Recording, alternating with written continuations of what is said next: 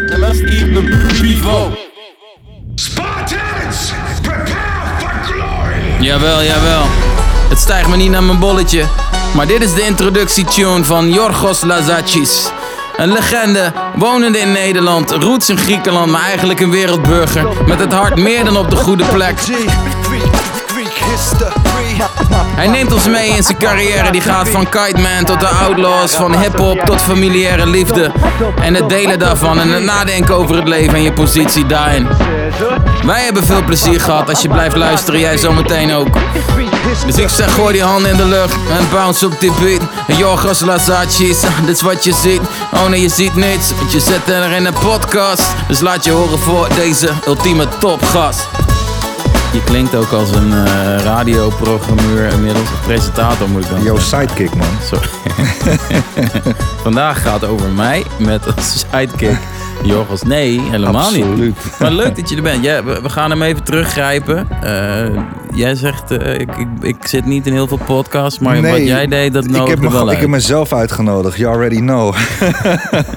nee, ik, ik, ik weet niet, man. Ik vond het heel tof wat je deed. Ehm, ik, ik zag wat, wat dingen voorbij komen vanuit mensen uit Zwolle. ehm, Ja. ehm, kunstenaars, eh, man, vrouw.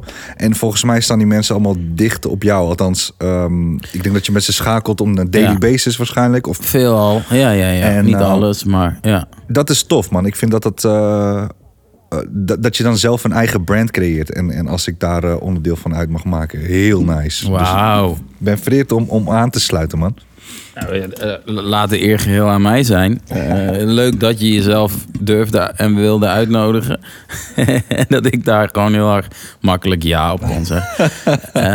Hoe zou jij jezelf voorstellen? Want ik noem jou Jorgos. Ja, De Jorgos. grote Jorgos. Jorgos Lazatjes. Jorgos de grote. Jorgos de grote. Nee, Jorgos, man. Jorgos Lazatjes. Lasagnes. Ehm, dat ga ik niet, niet zo uit kunnen spreken als jij, zonder te oefenen. Nee, ja, ik, oké. ik, ik, ehm, het, het ding is dus dat mijn naam, het- in Griekenland is het gewoon random naam. Jan Heel toevallig is vandaag mijn, eh, mijn orthodoxe naamdag. hey. Ja, dit zegt mij helemaal Dus niet. Eigenlijk is het paas in Griekenland, Ja. as we speak. Tweede Ah. paasdag en dan vieren we ehm, een naamdag. En vandaag is het die van mij. Maar ehm, in Nederland is het een ongebruikelijke naam. en eh, ik heb van alles voorbij horen komen, man. Ja. Gorgeous. En, Mag ik het één keer Gorges. proberen? Zeg jij het? Jorgos. Ja, Jorgos. Ja. En dan achternaam? Lazatjes. Lazakic. Ja. Je zegt ja, maar ik zei het niet. I am Jorgos Lazatjes slash Mazaratjes. Do the right thing like Spike Lee. Kijk, ja, je, Once je like ja, nee, man. Dus dat, ja. Jorgos. En ik, ik, ik, ik, ik denk dat ik v- vanuit huis uit... Waarbij, weet je, mijn ouders zijn, eh, zijn Grieks, beide Grieks. Ja, En we hebben altijd Grieks gebruikt thuis. De, dus dus ehm, in Nederland opgegroeid. Nederlands gepraat. En soms, Ja. als je Fresh Prince of Bel-Air keek... dan probeerde je Engels te praten. En dan had je van die ongemakkelijke gesprekken... met je vader of met je moeder. Dus Ja, ja. weet je, we hebben thuis ja, twee, soms zelfs drie talen gesproken. En Kijk, ik vond het, wel, eh, vond het wel een verrijking. jij zegt opgegroeid in Nederland, ben je hier geboren? Ja, ja, ja. Ja, oké. Dus je bent een Nederlandse Griek, Griekse Nederlander. Ja, man. Ja. Ik denk dat het verhaal van heel veel eh, migranten... Ja, Dus dat onze opa's en oma's hier naartoe kwamen in de jaren zeventig om te komen werken. En eh, het plan was om een paar jaar te blijven. En dat ze Ja. dan teruggingen. Maar ja, van het Dat- een kwam het ander. dat, dat werd wat langer. Jorgos werd geboren en weet je wel. eh, Ja, Mijn, mijn grootouders zijn uiteindelijk hier gebleven. Mijn ouders kwamen later. En eh, nou ja, naarmate hier ik, op, ik naar school ging, mijn moeder leerde letterlijk Nederlands door mijn Nederlandse boeken voor te lezen. Ja, En ehm, mooie manier. ja, zeker, zeker, Ja. zeker. Dus dat, dat, ja. Uiteindelijk, ik weet niet, ik voel me ook niet Nederlands, ik voel me ook niet Grieks, ik voel me meer alles of zo. Ja. Wereldburger, ik hou ook van reizen. Da- ja. En volgens mij zakt die microfoon. Ja, we gaan ook. die even goed zetten voordat we helemaal door. Volgens mij moet je hem gewoon omhoog. Ja, oh, je weet hoe dit werkt. Ja, ja, Dus ja. Draai hem lekker stevig van- vast. Ja, man. Want hij, hij heeft ja, de neiging te zakken. Dus, Zo, dus ja, ja. weet je, vanuit, vanuit die, ehm, alles. diversiteit thuis. Dus meerdere en, en opgroeien ook tussen eh, Turkse gezinnen, Nederlandse gezinnen, Marokkaanse gezinnen. Want waar groeide je op, Arnhem? gezinnen. In, in Gorkum. Gorkum. Ja, man. En in, eh, in, de, in een buurt, dat heette De Haarwijk. En dat, was een buurt, dat is een buurt waar heel veel eh, arbeidsmigranten gingen wonen, omdat het goed, goedkoop was. Ja. Ik bedoel, bekende verhaal, grotere steden hebben ja, Ja, ook zo'n ja, buurt, ja. weet je wel. En Gor- Gorkum is dan iets kleiner, maar dat was de wijk waar heel veel ja, diversiteit was. Ja. Althans, Waar, waar ligt Gorkum even voor tussen? Utrecht en Breda. Ja, ja, ja. Zegt je tegen iemand uit Groningen. Dat is overal. Ja, ja, Nee, oké. ja, ja, ja. Ik, ik heb- het, is, het is eigenlijk in het midden van Nederland, man. Het is net iets onder Utrecht, 30 Ja, kilometer, ja. 35 kilometer onder Utrecht. ja. Het ligt super, super eh, centraal. En daar ehm, kwamen ook heel veel eh, Grieken wonen. Want, weet je wel, in de Griekse dorpen... Word on the street was dat daar banen waren. Dus Ja, ja, mijn opa kwam letterlijk met zijn broer hier naartoe. Vestigde hier, eh, Ja. zichzelf hier. En weet je, vrienden van hen kwamen ook later. Dus er is een grote Griekse gemeenschap in Gorkum. Wow. Ehm, en daar ben ik onderdeel, maak ik onderdeel van uit. Zou je kunnen zeggen dat Gorkum het Nederlandse Athene is? Of is dit gewoon alleen een hele slechte grap en verder niks? Slechte grap, Ja, ja, ja. Niet de laatste. Dat is. Utrecht meer. Ja, ja? Ja, man. Ja, echt? Ja, in Utrecht zijn er naar, ja, volgens mij eh, eh, de meeste Grieken in. De meeste Grieken wonen in, de meeste Grieken in Nederland wonen in Utrecht. Ah, Ja. ja. ja het, het gaat hier meteen over, eh, waarschijnlijk gekoppeld ook aan jouw naam. Mhm, Eh, Precies. eh, ik had hier met, met Rosco, Roger, Roscovic, ook een gesprek over waar je vandaan komt en je vertrekpositie. Mhm. hoe dat is. Hij vertelde, deelde daar iets in hoe je je bekeken kunt voelen. Mhm. Ik zei dat ik dat niet herken, omdat ik toch wel echt dacht altijd Nederlands te zijn. Jij hebt, ook, jij hebt ook Indonesische roots. Nee, nee, nee. Niet? nee. Nou ja, niet dat men weet. Nee, Oké. nee heel. Er schijnt Iberisch eh, in te zitten vanuit een DNA-test. Die mijn broer heeft laten doen. Dat is wat ik weet. Ja, ik, ik kan het niet mooier maken dan dit. Ik heb niet een oom die Oké. in Madrid, eh, weet ik veel, wat aan het doen was. Oké. Maar, maar in ieder geval, eh, dus, eh, oh ja, dat wou ik vragen. Is, het is voor jou wel een, of ja, een ding, dat klinkt net alsof je er wat van vindt, maar Hmm. meer, het is onderdeel van jouw opgroeien, van wat je nu doet. Van, Ja, ja, ja, ja, want dus ik ging, eh, ik ging naar mijn basisschool, de Jan van Arkel school. En daar zaten we eigenlijk... Heel de school had echt... eh, weet je wel, zaten drie Nederlandse kinderen op school. ja, En de rest waren allemaal kinderen van Turken, Grieken, Marokkanen. Veelal. hey, ja. En eh, je zag het bijvoorbeeld bij Ramadan, weet je wel, als er suikerfeest was, waren we Ja. letterlijk met tien kinderen op school. En ehm, nou ja, als wij Grieks Paas of zo vierden, dan waren we met z'n eh, nou ja, tienen op school allemaal dressed like Don Corleone, weet je wel. Dus het, het was, het was, iedereen nam zijn cultuur ook mee naar school. En dat is super nice, want je leert, eh, je leert elkaar kennen op een hele jong- jonge leeftijd. En als je kind bent, ben je niet bezig met eh, verschillen. Je ziet vooral van wat, hebben- wat voor overeenkomsten hebben wij. Oh, jullie hebben suikerfeest. Ja. Wij hebben Grieks Pasen, for example. Ja, ja, ja. En ehm, Nederlandse cultuur, eh, weet je wel, daar vieren we, I don't know, Sinterklaas of zo. Dus, dus je, je leerde van, oké, iedereen heeft eigen feestjes. Of iedereen heeft eigen eh, feestdagen.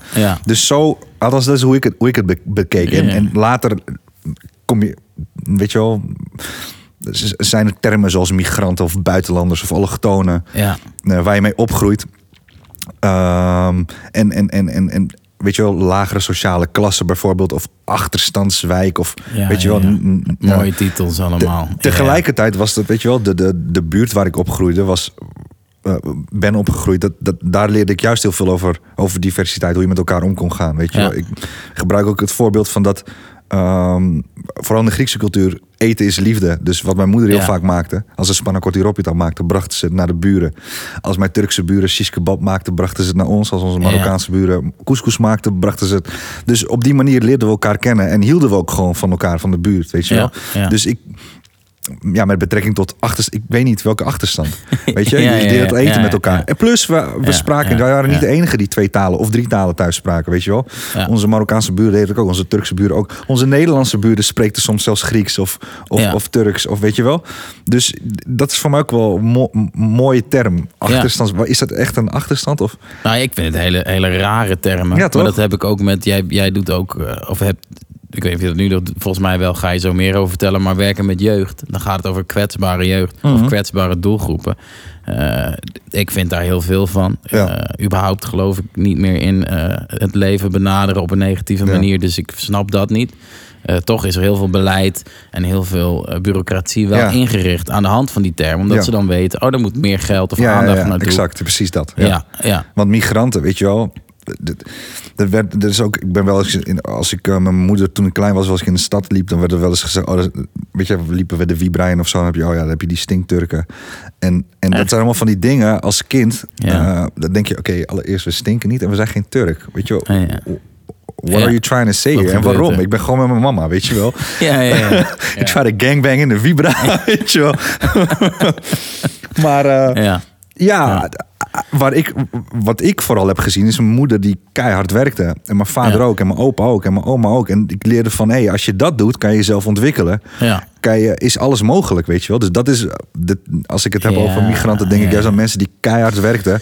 Die hun leven achterlieten daar wa- Ja. waar ze vandaan komen. Ja. Of althans waar hun roots liggen, laat ik dat vooral zeggen. En een nieuw leven hebben opgebouwd. Ik durf dat niet nu, man. Ik ben inmiddels 35. Ik durf niet mijn leven hier te stoppen en te zeggen, weet je wat? Doei. Ik ga naar een andere, ander- En tegelijkertijd heb ik ook die reden niet. Zoals mijn Nee, die urgentie nee, niet, zoals mijn ouders die hadden. mijn ouders waren echt arm, weet je wel. Althans, ja, mijn vader kwam met letterlijk eh, ja, gaten in zijn kleren naar Nederland toe. Dus ja. Toen het nog niet hip was. Want er er luisteren nu een paar boykies die denken... ja, ik heb ook gaten in mijn broek. ja, ja, ja. Maar even voor... Sorry, Precies, dat was. Nee, nee, nee, zeker man. Zeker. was schaamtelijk zelfs als, je, als je dat had. Dus eh, Ja, ja dat, eh, jij zegt eh, dat inspireert of heeft jou opgevoed met een beeld van... Hey, als je iets wil, moet je er keihard voor werken. En dan kun je ook er wat moois van maken. Zeker. Maar misschien ook wel de stront die je van de zijlijn meekrijgt... die moet je dan maar ja. accepteren. Of Ik- heb, ik heb je het hierover gehad met je ouders? Want je noemt nu een heel sprekend voorbeeld. Ja, ik denk dat het een onderdeel van jezelf moet zijn. En als je, ik, laatst zei, eh, ik weet niet of je Lef Avitan kent, maar dat is een spoken word artist. Die zei ook iets heel moois. Die zei van nee man, die termen zoals allochtoon Ja. en achterstands, achterstandswijk, dat zijn termen Ja. die ik graag wil blijven gebruiken in mijn leven. Want het doet mij herinneren aan waar ik vandaan kom en hoe, Ah. en hoe ik altijd ben genoemd. Ja. En ik vind dat best wel sterk, weet je wel. Ja, dat vind ik ook. Eh, Al kan ik me daar weinig bij voorstellen. Maar Ja. ik, ik, eh, of tenminste, ik, ik hoor wat je zegt. Ja. Ik voel niet diezelfde eh, koppeling. Ja. Maar dat vind ik wel sterk. En het kan twee kanten op werken. Je kan, je kan zeggen, oh, ik ben slachtoffer van. Of je kan denken van, dit is vuur voor mij Exact. om te gaan. En ik denk dat, ehm, ja, als dat je motiveert om het best uit jezelf te halen, dat er best wel mooie dingen mogelijk zijn hier. Ja, Ja. nou, 100 procent. Ja. Ik denk overal. Maar goed, dat weet ik niet. Want ik zit hier. Ja, ja, ja, ja. Maar, maar zeker. eh wauw, een mooi, mooie kennismaking meteen met, met Jorgos. Die van wal steekt. ja man. Ja, eh, jij bent, eh, ik ken jou eh, vanuit onze klus als matchmakers, waar jij ook bij betrokken was. Eh, jij bent een, voor, of een groot fan van podiumkunsten. Uiteraard. je bent ja. rapper, Ja, ja, ja. toch? Ja, ik heb heel mijn leven lang, ja, wat- zeker, zeker. Ja. Ik heb heel mijn leven lang eh, muziek gemaakt, rapmuziek gemaakt. Ja. Nou, geproduceerd ook.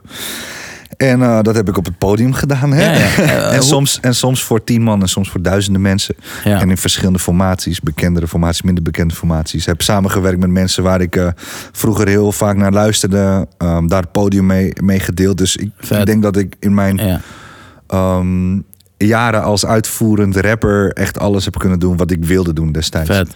Ja, je, gaat er heel hard doorheen. Ik wil af en toe vragen Ah, stellen. cool, man. Dus dat doe, Doe ik dan. Jij ook toch? Zeker. Ja, waarom hou je van rap? Waarom hou ik van Ja. rap? Ik eh, heb eh, ja, meerdere redenen. Maar het begon ooit omdat ik het gewoon heel vet vond. En ik denk, en dat heb ik een beetje geleerd door de andere podcast ook, dat eh, het zelfverzekerde wat in een heleboel hip-hop naar voren komt, Mhm. wel iets is wat ik zocht om mezelf wat meer body te geven. En de grap is dat ik nu pas echt hele poggerige tracks maak. Nu ben ik bijna 35, dus dat vind ik dan wel weer grappig. Maar goed, Hoe ouder je wordt, hoe beter toch? Hè? Dat zeker. Ja. Ja. Ja, vindt mijn vriendin ook. Maar dat is dan weer een heel ander ehm, Deze- stuk. Nee, nee, maar wat ik hou echt van, van taal en, en eh, spitsvondigheden. En zowel inhoudelijk als qua klank. Ja. Van cadans hou ik, van rijmen, Ja. Maar Ja. jij produceert ook zelf. et cetera. Ja, En, en dat is ook wel. Er is ook een verschil tussen MC's die alleen bezig zijn met het woord en MC's die ook nog eens produceren of soms zelfs mixen. Want je benadert Ja. anders. Ja, ze- ja, nee, ja, helemaal mee eens. Eh, het is wel zo dat ik eh, het produceren van muziek heel tof vind. En het schrijven van teksten heel tof vind. De combinatie ook. Maar ook heel vaak wel als een soort...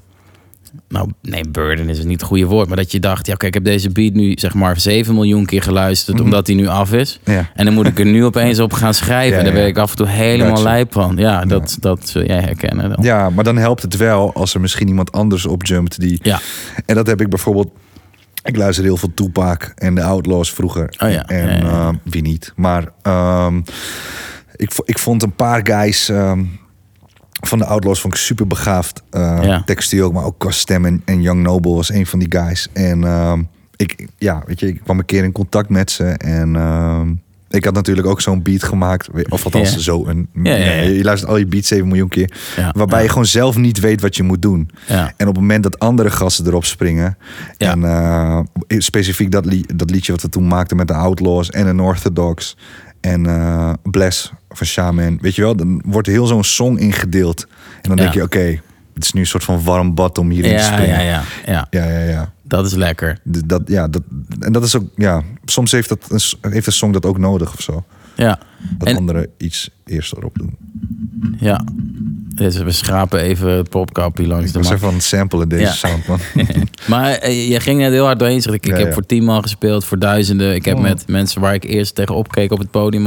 Heb je een leuke eh, anekdote of een voorbeeld van Ah. iemand waarvan je dacht... Ja man, Nou ja, ehm, weet je, toen, toen ik begon met schrijven is het misschien wel handig omdat, weet je, dat was ehm 99, 2000 of zo. Ik was net 14, 15. Ja, ja. En toen was hip-hop, was, althans ik luisterde Tupac en Tupac had het over bepaalde topics die, Ja. waar je je enigszins mee kon identificeren, weet je wel. Had het over die buurten en eh, sommige dingen eh, kan je, kan je inbeelden, zie je buiten ook. Sommige dingen minder. Ja. Ehm, maar het over ook kans, ehm, kansenongelijkheid soms. Eh, verhalen over vrienden die vastzitten of weet je wel. ja. Dus een paar van die verhalen, heel sterk met je Dear Mama song waar iedereen... eh, Tuurlijk, maar, ja. Weet je, maar, maar als ik kijk naar mijn jeugd, weet je wel, dat bijvoorbeeld mijn, eh, mijn betere vrienden toen, toen we 15, 16 waren, ik was heel erg bezig met, met, met teksten en, en zij belanden op een gegeven moment in de gevangenis. En ehm, eh, weet je, dat hoorde je ook in, in die Tupac-songs en zo. En het was toen helemaal Ja. niet tof om te rappen, weet je wel. Nee. Zeker niet als guy die, die weet je wel, eh, Ja, eh, ja. ehm, ehm, lijstkind is, weet je wel. Grieks is, je hoort, je hoort bij, dat is ook zo'n ding, weet je wel. Er worden allemaal hokjes gemaakt en je moet daarin passen of zo. Terwijl je ehm, gewoon muziek heel tof vindt en, en, en toevallig omdat je niet kan zingen, gaat rappen. Ehm, Ja, ja. eh, ja, wil, je dat, wil je dat doorontwikkelen? En, en, en ik heb de eerste paar jaar dat ik aan het schrijven was, ik was gewoon eh, voor mezelf aan het schrijven. En pas op mijn zeventiende of zo deed ik mijn eerste, mijn eerste optreden met vrienden uit Ja. de stad. En toen, toen ik die microfoon in mijn hand had, weet je wel, en ik stond voor een paar honderd man uit de buurt en sommige mensen lachten me uit. Ja. Sommige mensen vonden het heel tof. Ja, maar wat ja. ik wel wist van, oké, dit wil ik de rest van mijn leven doen, weet je wel. En vanaf dat moment ben ik nog meer gaan schrijven. En eh, ja, ik heb, dat, ik heb dat nooit meer losgelaten. En je merkt ook op een gegeven moment je, je eerste gigs, inderdaad, wat ik zeg. ja. Ehm, zeker als je 17, 18 bent. En toen, hip-hop was helemaal niet zo groot als nu. Nee, op verre van. En als je zei van Ja, tegen een kroegbaas of zo: van hé, hey, ik wil graag optreden met mijn vrienden. Ja. Oh, leuk man. Eh, hoe groot is jullie band? Nou ja, we hebben eigenlijk een rapcrew. En weet je wel, we zijn met z'n drieën. Ja, We hebben drie ja. microfoons nodig. En een DJ was het al gauw van, ja, ik weet niet of dat past bij ons. Ja, ja, ja, En nu volgens mij, ja. althans, als je nu met, met, een, eh, met drie rappers naar een, een weet je wel, club gaat of zo, is dat Vinden ze fantastisch, denk ik. Snap je. Weinig gedoe. ja, dus, dus daarin gingen we bijvoorbeeld naar spots toe waar niet iedereen eh, zijn ei kwijt kon op het podium. Ook bijvoorbeeld akoestische muziek of van die hippies Ja, die, eh, ja. die, die, weet je wel, eh, van, van die vage dwarsfluitsongs deden. Ja, en dan stonden we met, met, zo, met elkaar allemaal op het podium. Een rapper, een gitarist, een- weet je wel, een Ja. doorgesnoven pianist, weet je wel. En we vonden elkaar daar wel. We maakten muziek. En, en daarin heb ik ook heel veel geleerd om, om samen te spelen met, met live muzikanten en zo. En dat heeft me heel erg geholpen. Maar later Ja. Waarbij ik mijn eigen band en, en met andere bands, eh, orkesten, eh, whatever, Vet. a cappella groepen samen Ja. ging werken. En, en ben je dan in die zin helemaal autodidact muzikaal Ja. geworden? Ja, ja, ja, ja. Want vroeger, dat was wel grappig, want ik kom uit Gorkum en in Gorkum komt ook eh, Boas, ken je misschien wel van Nouveau Riche. Ja, ja, ja. Uh, Boas van de Beats. Ja, dus met Boas, met Jerry, ik eh, en Jesse. Wij waren eigenlijk de vier guys die produceerden en bij elkaar over de vloer gingen. Ja. En eh, nieuwe trucjes op Reason elkaar leerden en zo. Oh en, en, eh. Boas werkte met Apple, Logic en zo. En, en ehm, Jerry met Propel. Dus we leerden van elkaar, weet je. Dan, was, Ja, dan, ja. had ik misschien iets gemaakt en dan zei ik van... hé hey man, ik heb dit gedaan met dat apparaat. En dan nam iemand Ja, het over. Of dan ging ik naar Jer toe. Of weet je, was Boas samen met mij aan het produceren. Of whatever. Dus we leerden heel erg van elkaar. En ehm, ehm,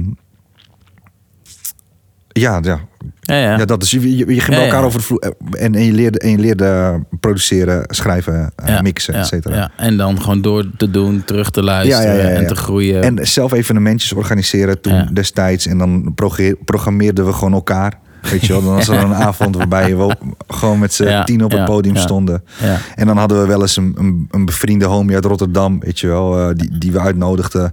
Of een, eh, weet je wel. eh, Ja, en, dan, en vice versa. Ja, denk ja, ik, ja. ja, dit klinkt heel herkenbaar. Ja, als toch? je ja, en Toen, toen nog, weet je, dat was, we hadden toen een soort van battle georganiseerd. En Dice Scream en, en, en Tim. Beumers hadden we uitgenodigd Ja, als, ja. als juryleden, weet je wel. En Jerome XL en DRT mochten, konden optreden en zo.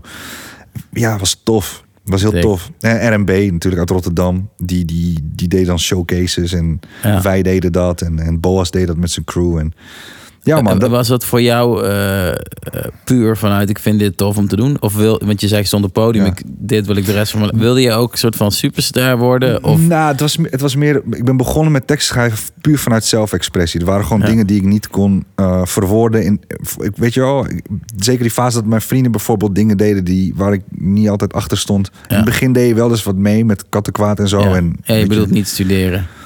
Nee, geintje, geintje. Ja. Nee, ja, en, en, en ik, vond, ik, vond, kon mijn ei kwijt door teksten te schrijven. Door eigenlijk te doen wat Toepak deed, weet je wel. Ja. En, en eh, dat werkte gewoon heel fijn, heel expressief. Juist. Dat is eigenlijk. En ook in de klas, weet je, ik word een beetje ook. eh, ja.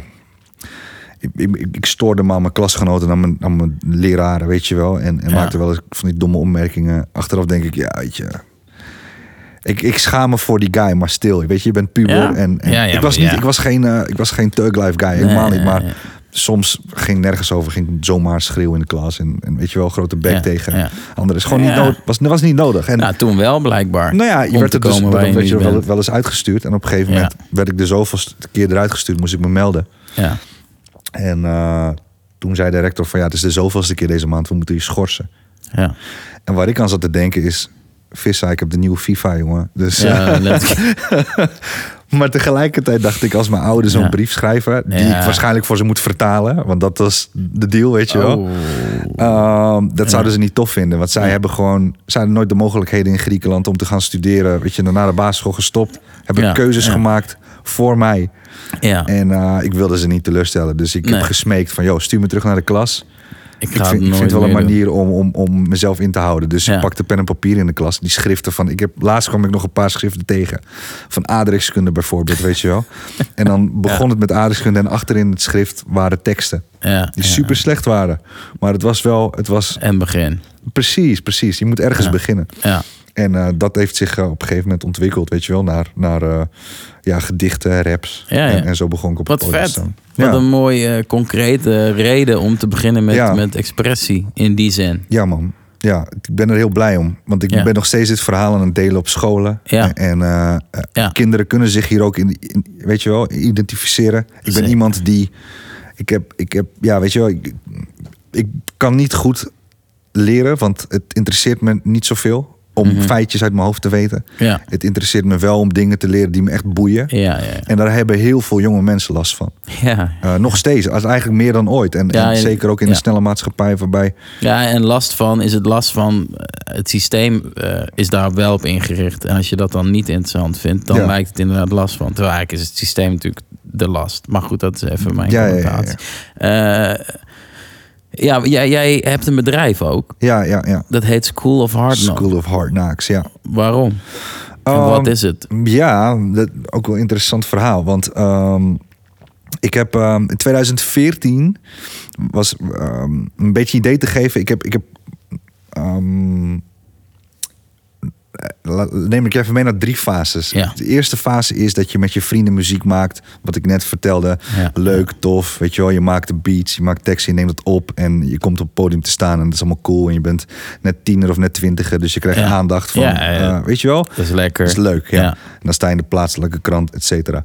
Dan win je wat competities en dan mag je in Utrecht optreden en, en Tilburg en Amsterdam. En dan voel je je helemaal tof. Ja. En dan ben je trots op, weet je. En je ouders ook. Ja. Ehm, dat deed ik met Devastators. Dat was mijn eerste eh, eh, groep eigenlijk. Dat waren jongens uit de buurt, vrienden. En vervolgens ehm, kwam ik ook in contact met, eh, met Colin Benders, Kite Man. Ja. Dus maakte ik, ehm belandde keer in een studio, maakte ik onderdeel uit van Kite Man's Hip Hop Orkest. Dus ik was een van de MC's op dat moment. Hey. In die succesjaren, weet je wel, waar we ja, weet je, de tofste gigs ever hebben gedaan. Van Lowlands, North Sea Jazz, alleen maar uitverkochte zalen. Insane. Ja. Sick. Eh, En, en, en, en die andere eh, eh, fase is, is dat ik zeg maar als solo-artiest mijn muziek ging uitbrengen. Ja, en ja. toen had ik alles al met Kite Man gedaan. Dus het is echt, dat was echt een soort van wow, weet je, van 1200 man naar 30 man weer, weet je wel, 50 man. Mm. Reality. Ja, ja, ja, ja. Maar tegelijkertijd, dat ging best wel lekker. Want ik bracht mijn eerste plaat uit in 2012. En daar stonden ook mensen op zoals de Outlaws en Rex en Terminology.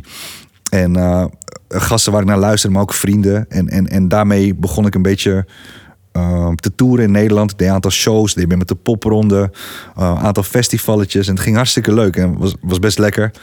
En in 2014 stond ik op het punt, had ik een aantal ehm, eh, shows gefixt in Nederland, maar ook buiten Nederland. Ja. Dus in Londen iets. En eh, ik zou bij een art school in Marrakesh een seminar geven.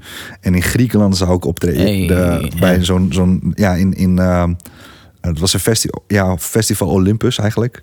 En dan bij, eh, bij Katerini, dat is een stad onder Thessaloniki. En Mhm. dan zou ik met een Duits orkest, zou ik maandag aankomen, repeteren mijn liedjes en zaterdag spelen. In zo'n Grieks amfitheater. ja. Ja. Gewoon live goals, weet je wel. Sick, ja. Ehm, maar en zo had ik er iets van acht of tien staan. Ik zou in, in, in Nederland ook Afrika Museum, een openluchtmuseum en nog een paar dingetjes.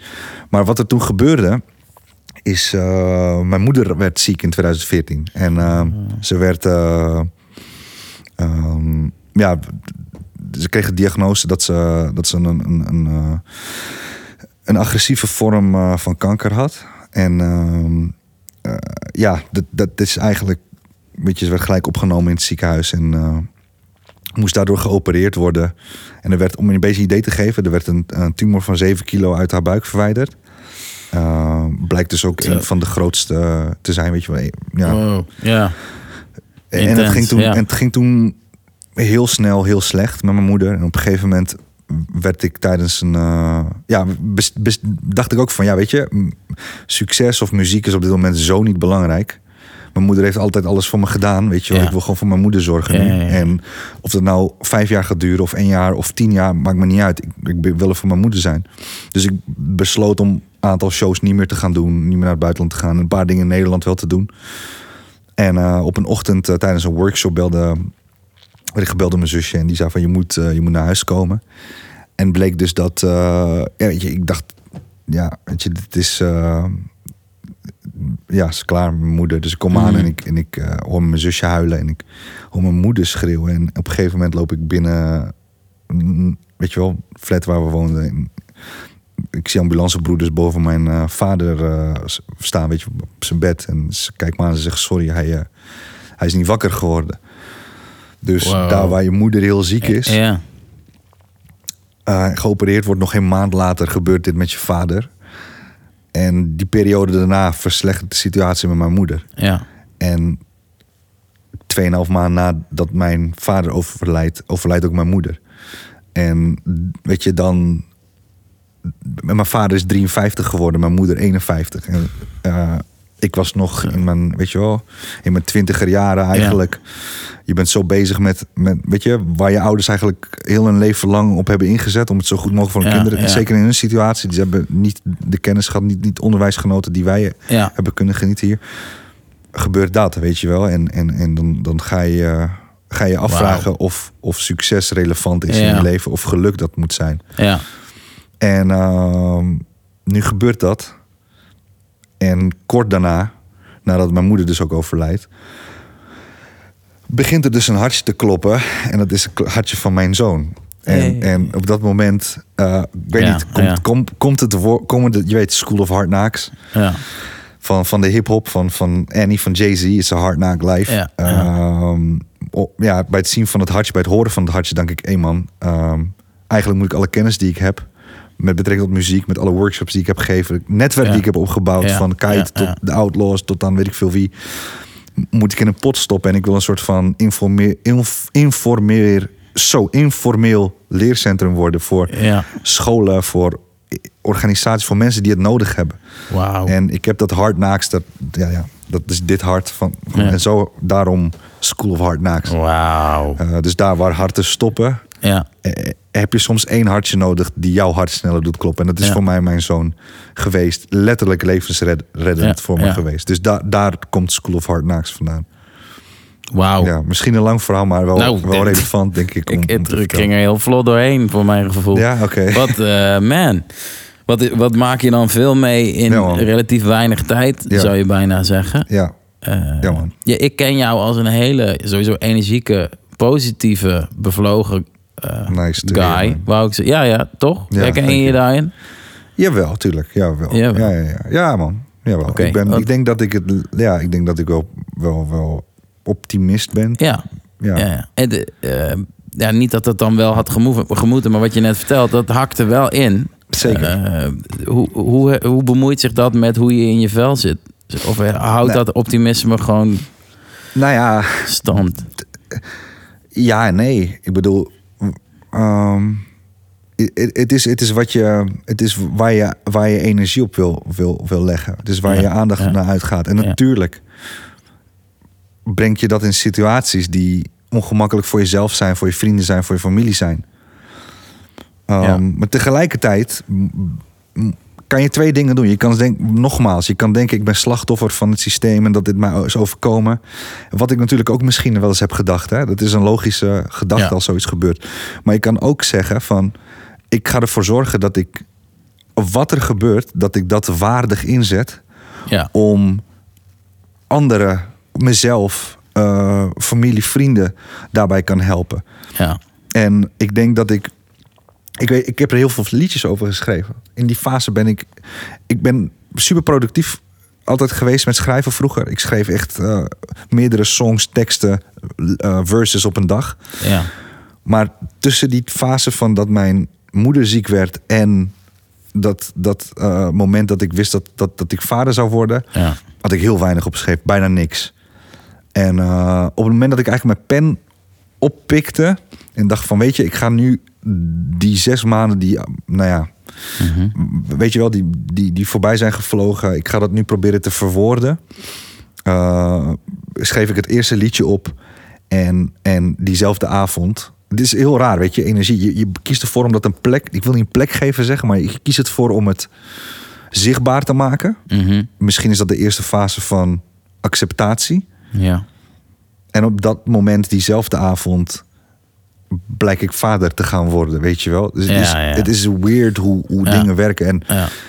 ja, tuurlijk heb ik met gordijnen dicht gezeten thuis. En, en pff, weet je, ik Ja. heb nooit gerookt, maar destijds ging ik gewoon sigaretten roken. Ja. Ehm, dat was nooit gerookt. Jij weet toch? Nee, ik Het- snap het- wat je het- bedoelt, Ik tuurlijk. deed dingen die ver af van me stonden. Ik, Ja. heb, eh, ik had hem ook kunnen. Ik, ik, ik had zoveel dingen kunnen doen die makkelijk waren, weet je? Raar, Ja. alcohol of drugs of whatever. Maar ehm, ik heb meer gebruikt om dat verdriet om te zetten naar, ehm, naar kracht. Ja. En ik heb eigenlijk ook iets gecreëerd waar mijn zoon hopelijk over twintig jaar naar gaat luisteren, naar gaat kijken. En Ja. gaat zeggen: ja, Ja. man, zo kan je met, vers- met, met, met, met verdriet omgaan. Zo kan je met verlies Ja. omgaan. Want Ja. het is ook raar. Mijn vader is 53 geworden, mijn moeder is 51 geworden. En ik heb een soort van idee dat ik 52 word. Ik, meerdere meerdere er mensen waarmee ik mee spreek, die, dat is herkenbaar. Ja. En iedereen zegt ook van, nee joh, dat is niet zo. Dat weet ik. Ik Ja. weet dat ik 100 kan worden. Ik weet ook dat ik misschien straks, hè. Ja. Maar er is toch zoiets van, ik heb nog 17 jaar om alles eruit te halen wat erin Ah. zit. En zo leef ik al de afgelopen 5, 6 jaar. Kijk. Sinds met mijn ouders. En, Ja, ja. en dat is wel insane. Want wat er dan die afgelopen zes jaar gebeurd is, weet je wel, is een soort van new life. Je wordt vader. eh, je, je zet je verdriet in om, om positiviteit te genereren. En, Ja. en dat resulteert zich weer in heel veel andere dingen, weet je wel. Die zichtbaar zijn voor anderen, die anderen weer kan inspireren. Je komt in Ja. een kleurrijke top 100 te staan, mede door dit idee. Of eh, weet je wel, eh, ik geef een TED-talk hierover. Ja, ja, die was dik. En eh, ja, weet je, je, dus, dus ja, je, je hebt dat denk ik, ja, weet je wel. Ja. En, en je gebruikt je verhalen ook om, om kinderen te inspireren in de klas. Dat is wat ik vooral ook heel, heel erg wil doen. Want kinderen hebben ook tegenslagen en hebben soms niet alle antwoorden. Zeker, in hun puberteit. En het klinkt echt heel stom hoe ik dit zeg. Maar ehm, soms, soms heb je gewoon één iemand nodig die langskomt en jou even Ja, ja, ja, Weet je wel? En dat had Ja. ik ook in die fase trouwens. Hoor. Toen dat met mijn moeder gebeurde en mijn vader dat ze overleden. was één iemand die me een boek gaf. En dat boek gaf mij zoveel kracht. Joh. De- de- de- ja, die, die ene iemand ben ik zo dankbaar. Mooi. Ja, shout-out naar Emin. Emin El. Ja, ja, ja. Ja. ja. En, en, ja, de, en, en San. Weet je wat? Ik kreeg dus toen, dus toen een boek van Judy Krishnamurti. En dat ging van, over Freedom from the Known. Zo heet dat boek. Ja. En het ging eigenlijk dat je eh, eigenlijk een resetknop... We praten te lang door, man. Nou, Misschien- ik denk dat je hier even op moet inzoomen. ja? Dat boek, Nou, ja, we, we ja. praten over. We, hadden het over. althans, i- iedereen eh, leert een basis, weet je wel, in zijn jeugd. Ja. Eh, dus je leert kruipen, dan leer je lopen, dan leer je Nederlands praten omdat je in Nederland woont. En het is een aangeleerde basis. en als jouw vader eh, christelijk orthodox is, of je moeder ook, zoals wij, dan ga je met Pasen naar de kerk. En als eh, je vader en je moeder atheïsten zijn, dan krijg je waarschijnlijk zulke normen en waarden mee. Ja. En eh, weet je, er wordt thuis wordt er naar bepaalde televisieprogramma's gekeken, bepaalde sporten, basketbal, tennis, voetbal, whatever. Dat krijg je onbewust mee. Nou, als je dan eenmaal in je tienerjaren aankomt, eh, weet je wel, als je in, tien, in je tienerjaren zit, dan eh, zit je in een fase waarbij je heel veel zelf gaat ontdekken. Mhm. Wel met de basis die je aan hebt geleerd. Dus eigenlijk ehm, versterkt dat soort van je basis. Ja. Dus het is meer een soort van, oh zie je wel, daarom doet papa dit. Of zie je wel, daarom. Ja.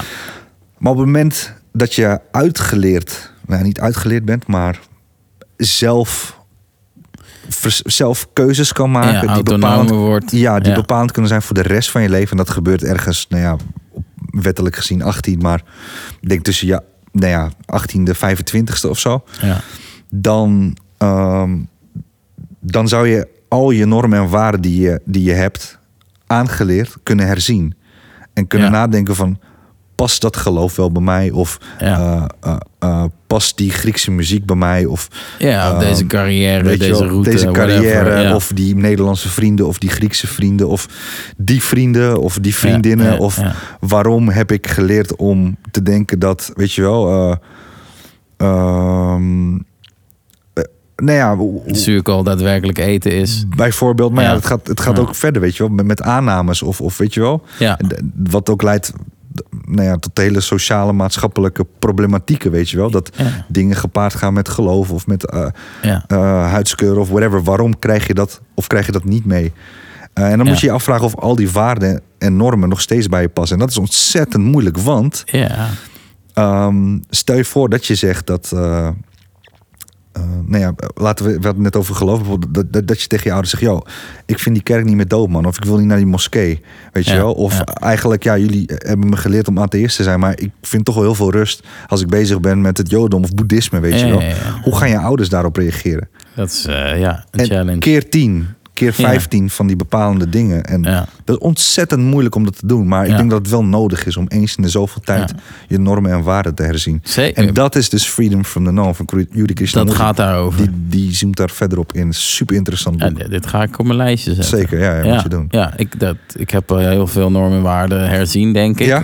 Maar eh, nou, dat weet ik niet, wel wat. Maar ik, ik vind het interessante materie, dus ik ga dat zeker checken. Dit is jou gegeven door, eh, door iemand in een fase waarin jij dat misschien wel eh, meer nodig had dan ooit. Ja, letterlijk Ja. twee dagen voor mijn moeders overlijden. Ja, ja.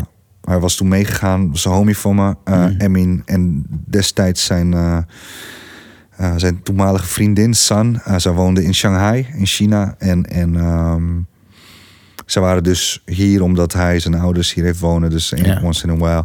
Weet je wel, maar ik ken hem nog van back in the day Ja, van ja. Devastators groep. Dat we zeg maar, hij kwam uit Nieuwegein. Dus hij, stond ook een keer op een van die feestjes die we georganiseerd hadden. Weet je wel. ja. Dus ik ken hem nog vandaar. En eh, we hebben altijd contact gehouden. We hebben altijd muziek gemaakt samen. Ehm, hij woont nu in Portland trouwens. En hij is hier deze week weer. Dus dat Hey. is super tof. Maar hij Ja. eh, kwam dus mee. Naar mijn- ja, letterlijk toen mijn moeder eh, in haar laatste fase zat. Ja. En ehm, ja, hij en zijn vriendin gaven me toen dat boek van... Yo, eh, Ja. lees het. Ja. En Mooi. Ja. ik begon het te lezen toen eigenlijk mijn moeder eh, overleed... en dat ik in het vliegtuig zat naar Griekenland om haar te begraven. En de komende weken. Ja, ja. Dan, dan ben je wel engaged op die... eh, Tuurlijk, tuurlijk. Eh, is ook, Ja, maar ik ben ja. blij dat ik dat, dat, boek zoveel goede dingen met me deed, Ja. weet je wel. Ja, dat, dat klinkt goed. Een soort, eh, ik weet niet of het een kritische vadervraag is, maar jij zegt, ik leef mijn leven alsof ik nog maar 17 of 15 jaar te gaan heb, dus ik moet er alles uithalen. Ja. Eh, wetende dat, dat wat jij doet en hoe jij in het leven staat, doorstraalt op je, op je zoon. Ja, Eh, ben je daar bewust van? Zo ja, Zeker. hoe, hoe probeer je hem ook te, als je dat doet, probeer je hem ook te laten weten, alles is cool. En je Alles hoeft, is ook cool, ja, je hoeft niet ja. als een soort eh, straaljager te gaan lopen beuken. Of nee, moet hij nee, dat nee, wel? Dat maar weet ik niet. hij komt ook met vragen van... Yo, pap, opa en oma zijn dood, weet je wel. Eh. Zonder dat die opa en oma ooit heeft gekend. Ja. Dus eh, ja, ik kan wel mooi weer spe- spelen. Ik wil, ik wil hem wel enigszins aangeven dat sommige dingen kunnen gebeuren in je leven. En op Ja. het moment dat ik met mijn vader in gesprek ging van...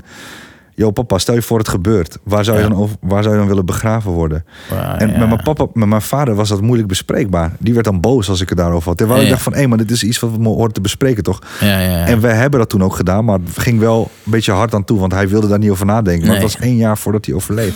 Dus ik ben blij dat ik het hem gevraagd Zo, ja. En ik wil zulke dingen bespreekbaar maken met mijn zoon. Ja. Ik wil zulke dingen. Sterker nog, ik wil ook dat mensen daarover na gaan denken en daar met hun kinderen over gaan Ja, praten. Het zijn ja, hele serieuze dingen. ja, zeker. Op het moment dat je dat niet kan. Ja, nou ja, dan gaan we veel dieper daarop in. Maar. ehm, ja, weet je, maar dat is misschien voor een volgende. nou ja, dat, dan. Weet je, sommige dingen. Je, je hebt liever dat je iets te veel met elkaar besproken hebt dan iets te weinig. Daar ben Althans, ik het wel mee eens. Dat vanuit mijn e- eigen Ja, ja, ja, ervaring ja, is dat mijn conclusie. Nou, dus wil ik dat ook bespreekbaar maken met mijn zoon. En Mooi. wil ik die muziek die ik nu aan het maken ben, Ja.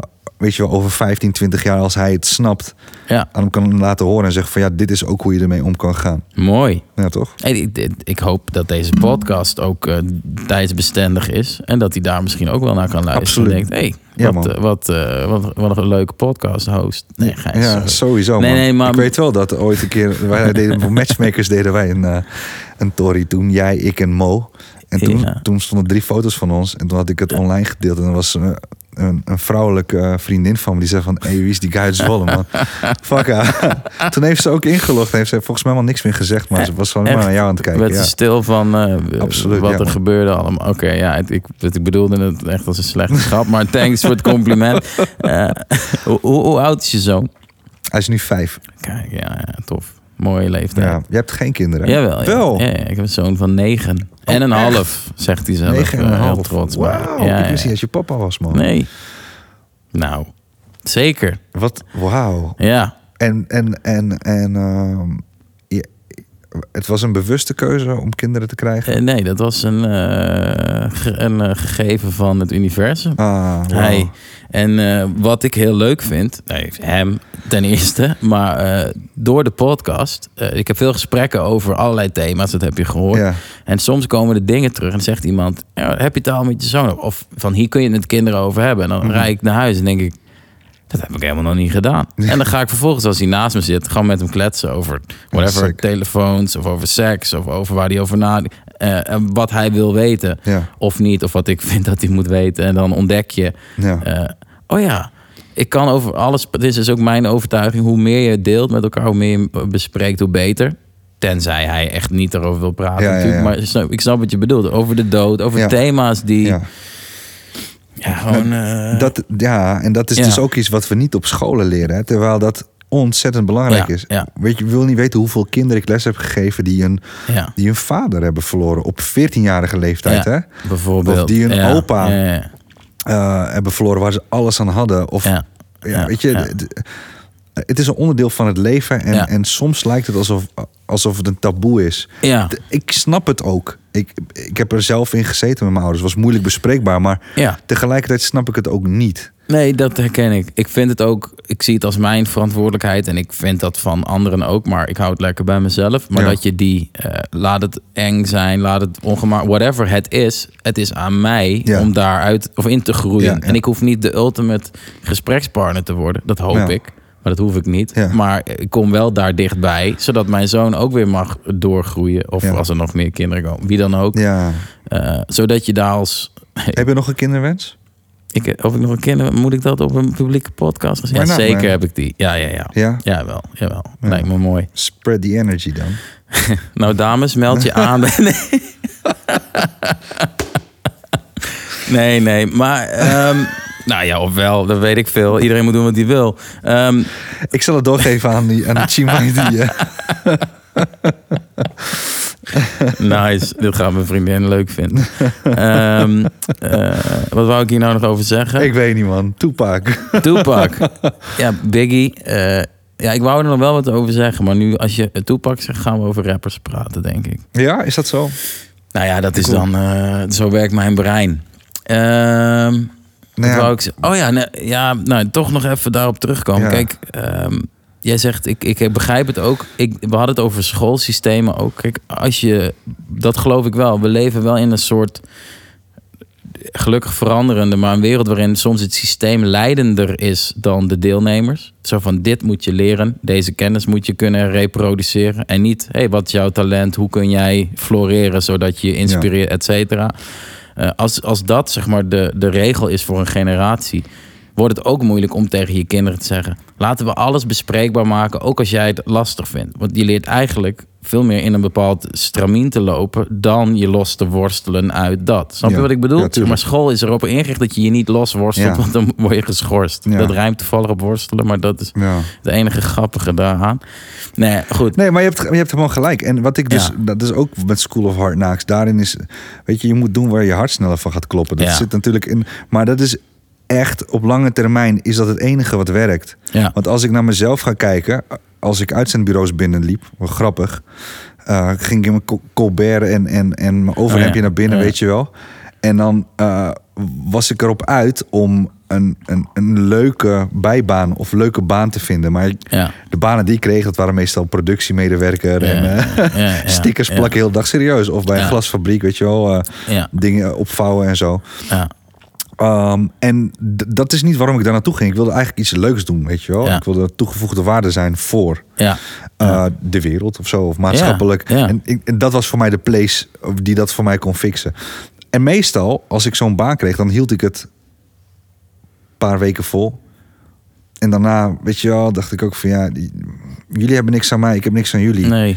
En voor die 6 euro of 7 euro per Ja. uur, ja, fuck dat, weet je wel. Ja. Ja. Ik, ik, ja. voel me hier niet, eh, ik voel me hier niet goed bij. Ja. En ook als ik mijn ouders, maar mijn ouders hebben dat gewoon 30 jaar gedaan, 20 jaar gedaan, weet je wel. ja. En ehm, dat is, ja, dat, je denkt van wauw, je hebt gewoon de hele tijd die knop om kunnen zetten om iets te doen wat niet bij past, maar wel om probeer, om dat te doen zodat anderen een baas. Ik vond dat altijd ja, heel, ja. heel fascinerend. En daarom vind ik dat mijn ouders en heel veel ouders van hè, eh, Turkse, Marokkaanse, Griekse. eh, eh, ja, migranten, laat ik dat, Mhm. dat zeggen, arbeidsmigranten. Dat ik daar heel veel respect voor heb. Want dat ze, Ja. dat ze tot hun Ja. pensioenleeftijd dingen hebben gedaan zo- om het leven van hun kinderen Ja. mooier te maken. Ja. En that's basically what I'm trying to do Ja. with Op- my son, weet je wel. En ik probeer hem te laten zien wat binnen mijn beperkte mogelijkheden ligt. Wat kan werken, wat niet kan werken. Ja. En dat te beargumenteren ook. Ja, dat, dat is mooi. En ik, ik denk ook, eh, jij gaf ook aan, volgens mij zei dat in het begin, eh, je hebt niet, wat, hoe zei je nou? Jij gaat in ieder geval niet emigreren nu. Want eh, ja, waarom zou je dat doen? Je Ja. voelt niet die drive. Je zit in een hele andere context dan dat zij zaten. Ja. Dus eh, ja, ik denk ook niet dat je moet, altijd moet willen vertellen dat jij als generatie beter weet hoe het werkt. Maar puur vanuit je eigen context. Ja. ja, jou Eigenlijk is lijkt me dat wel spannend, man. Om Ja. te emigreren. Eigenlijk, eigenlijk zou ik het wel willen. Ja, Weet je wel, omdat ik denk van, joh man, ik moet gewoon in een land leven waar de zon is en goed eten is. ja, ja, En- ja goed eten is hier niet. En, en, weet je wel, dat, en het liefst vijf maanden zon in het jaar dan vijf dagen. Ik eh, volg jou dus wel, ja. eigenlijk is dat wel een stiekem, stiekeme droom voor later. Maar ja, je weet zelf, jouw zoon is negen en half, mij is vijf. Ja. Ehm, is, is, is dat beter voor mijn zoon? In sommige opzichten wel. Maar ik denk op dit moment in meerdere opzichten nog niet. ja, nee, maar, ja. Nou, en wat je nu al zegt, Dus eerst gewoon kerstje met deze podcast. ja toch, Gewoon millies pakken en dan heel veel geld gaan we verdienen. gewoon een Ja. Bali en een Osso. Ja, nou ja, als iemand graag een, eh, mocht iemand kijken die heel rijk is en denkt ik wil een, exclusieve rechten van... eh, nou ook, of gewoon één aflevering vanuit de zon. Eh, ik stuur je mijn rekeningnummer. Dat is hard, man. Boek wat geld over, neem een videoploegje mee. dat is tof. Ja toch? Ja, ja, ja. Zo zijn we. Alles voor, voor de kijkers, de luisteraars. Ja, man. Nee, maar er zit... Dus alle narcisten opgelet. Alle dus narcisten. je kans. Vind jij een po- podcast een narcistenplek?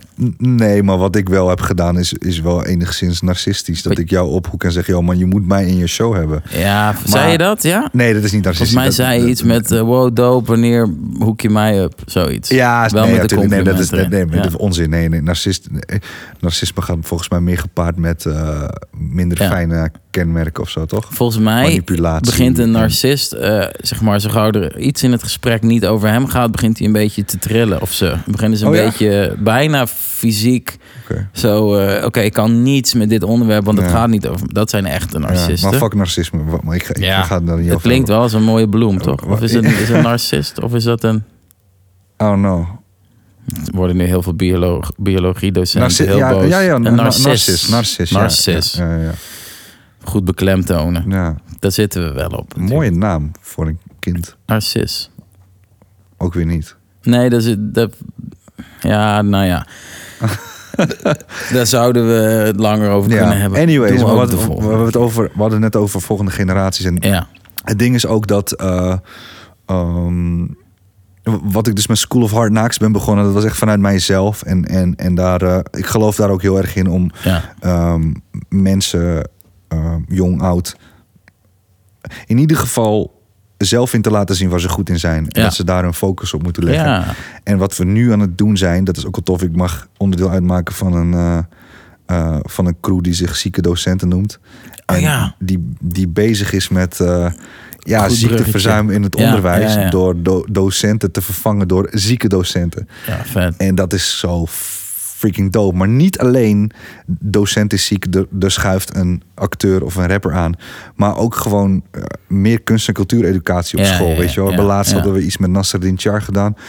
eh, en zijn voorstelling Ja, waarbij kinderen zoiets hadden van wauw, weet je wel. Ja. Dat we dit op school krijgen. Vet, eh. Ja, te hard. Ja. Of bijvoorbeeld een, een Redo eh, breakdancer die zijn persoonlijk verhaal deelt met een groep vrouwen die gevlucht zijn. Ja. Weet je wel, die vanuit Syrië hier een paar jaar zijn en die echt allemaal in tranen uitbarsten. Oh. Ehm, ehm, maar ook gewoon, we zijn nu bezig op een school waarbij we dus ehm, ehm, diversiteit, ik haat het woord, en inclusie, weet je wel, maar dat we dat, ja, je moet, ook daarin zijn we beperkt met woorden, weet je wel. Ja, Ik- ja.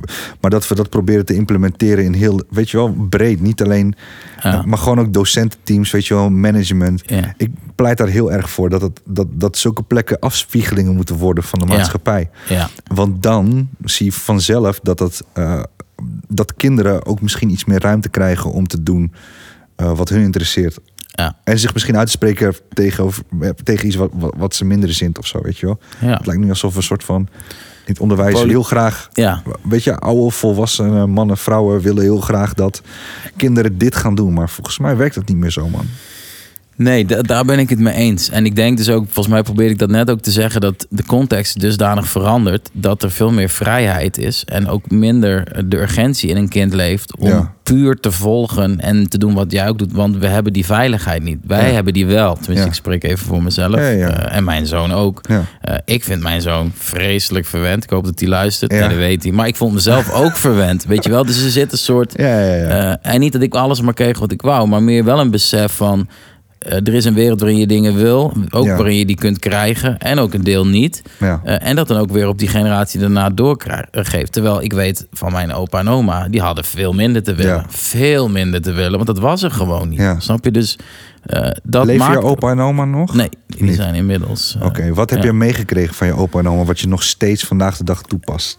Wauw. Eh, nou, ik draag Welke nog steeds levenslessen eh, eh, orthopedisch voetbed slippers waar mijn opa in het bedrijf werkte. Dat vind ik al mooi, Oh ja? een mooi verhaal. Ze Oh. lopen heel lekker. Nee, maar levenslessen. Dat is ik- belangrijk, man. Stevig in schoenen staan.